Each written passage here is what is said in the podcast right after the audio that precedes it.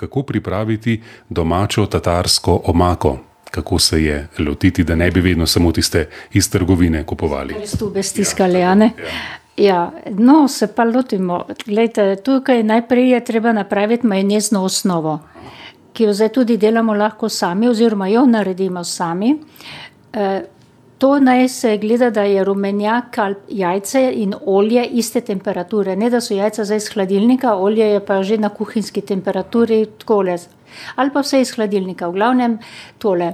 Dva rumenjaka za tri deci olja pride in eh, majhno gorčice damo med rumenjake, žlico olja in to miksamo. Tako da je tale na gosta osnovica se naredi in prilivamo v majhnem curku olje in stalno miksamo, da dobimo tole majonezno osnovo. No, to je pa zdaj treba še začiniti.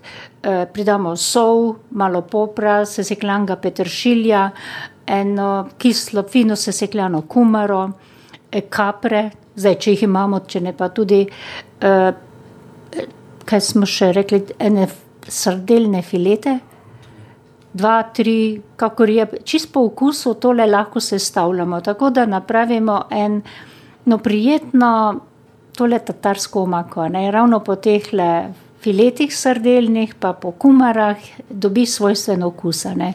Rekli ste kisle kumare, se pravi ne te, ki zdaj rastejo že na vrtovih, ampak tiste iz kozarca vložene. Ja, iz kozarca, ker tiste dajo svojo aromo, ne? ker tele so sladke, bi rekli. In so puste trde.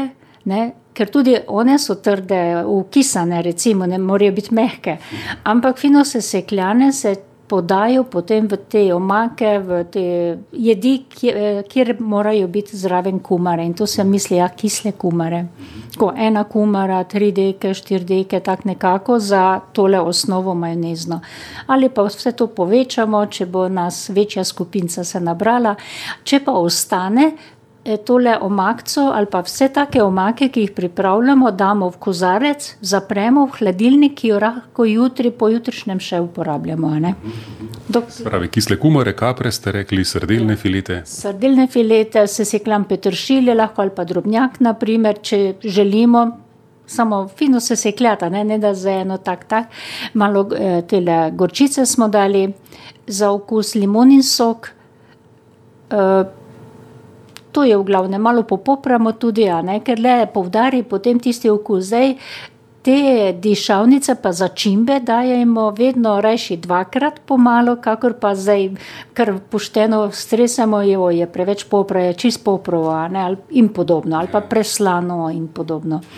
No, tako da eno tako omakico doma pa bo prišla še kje drugi prav.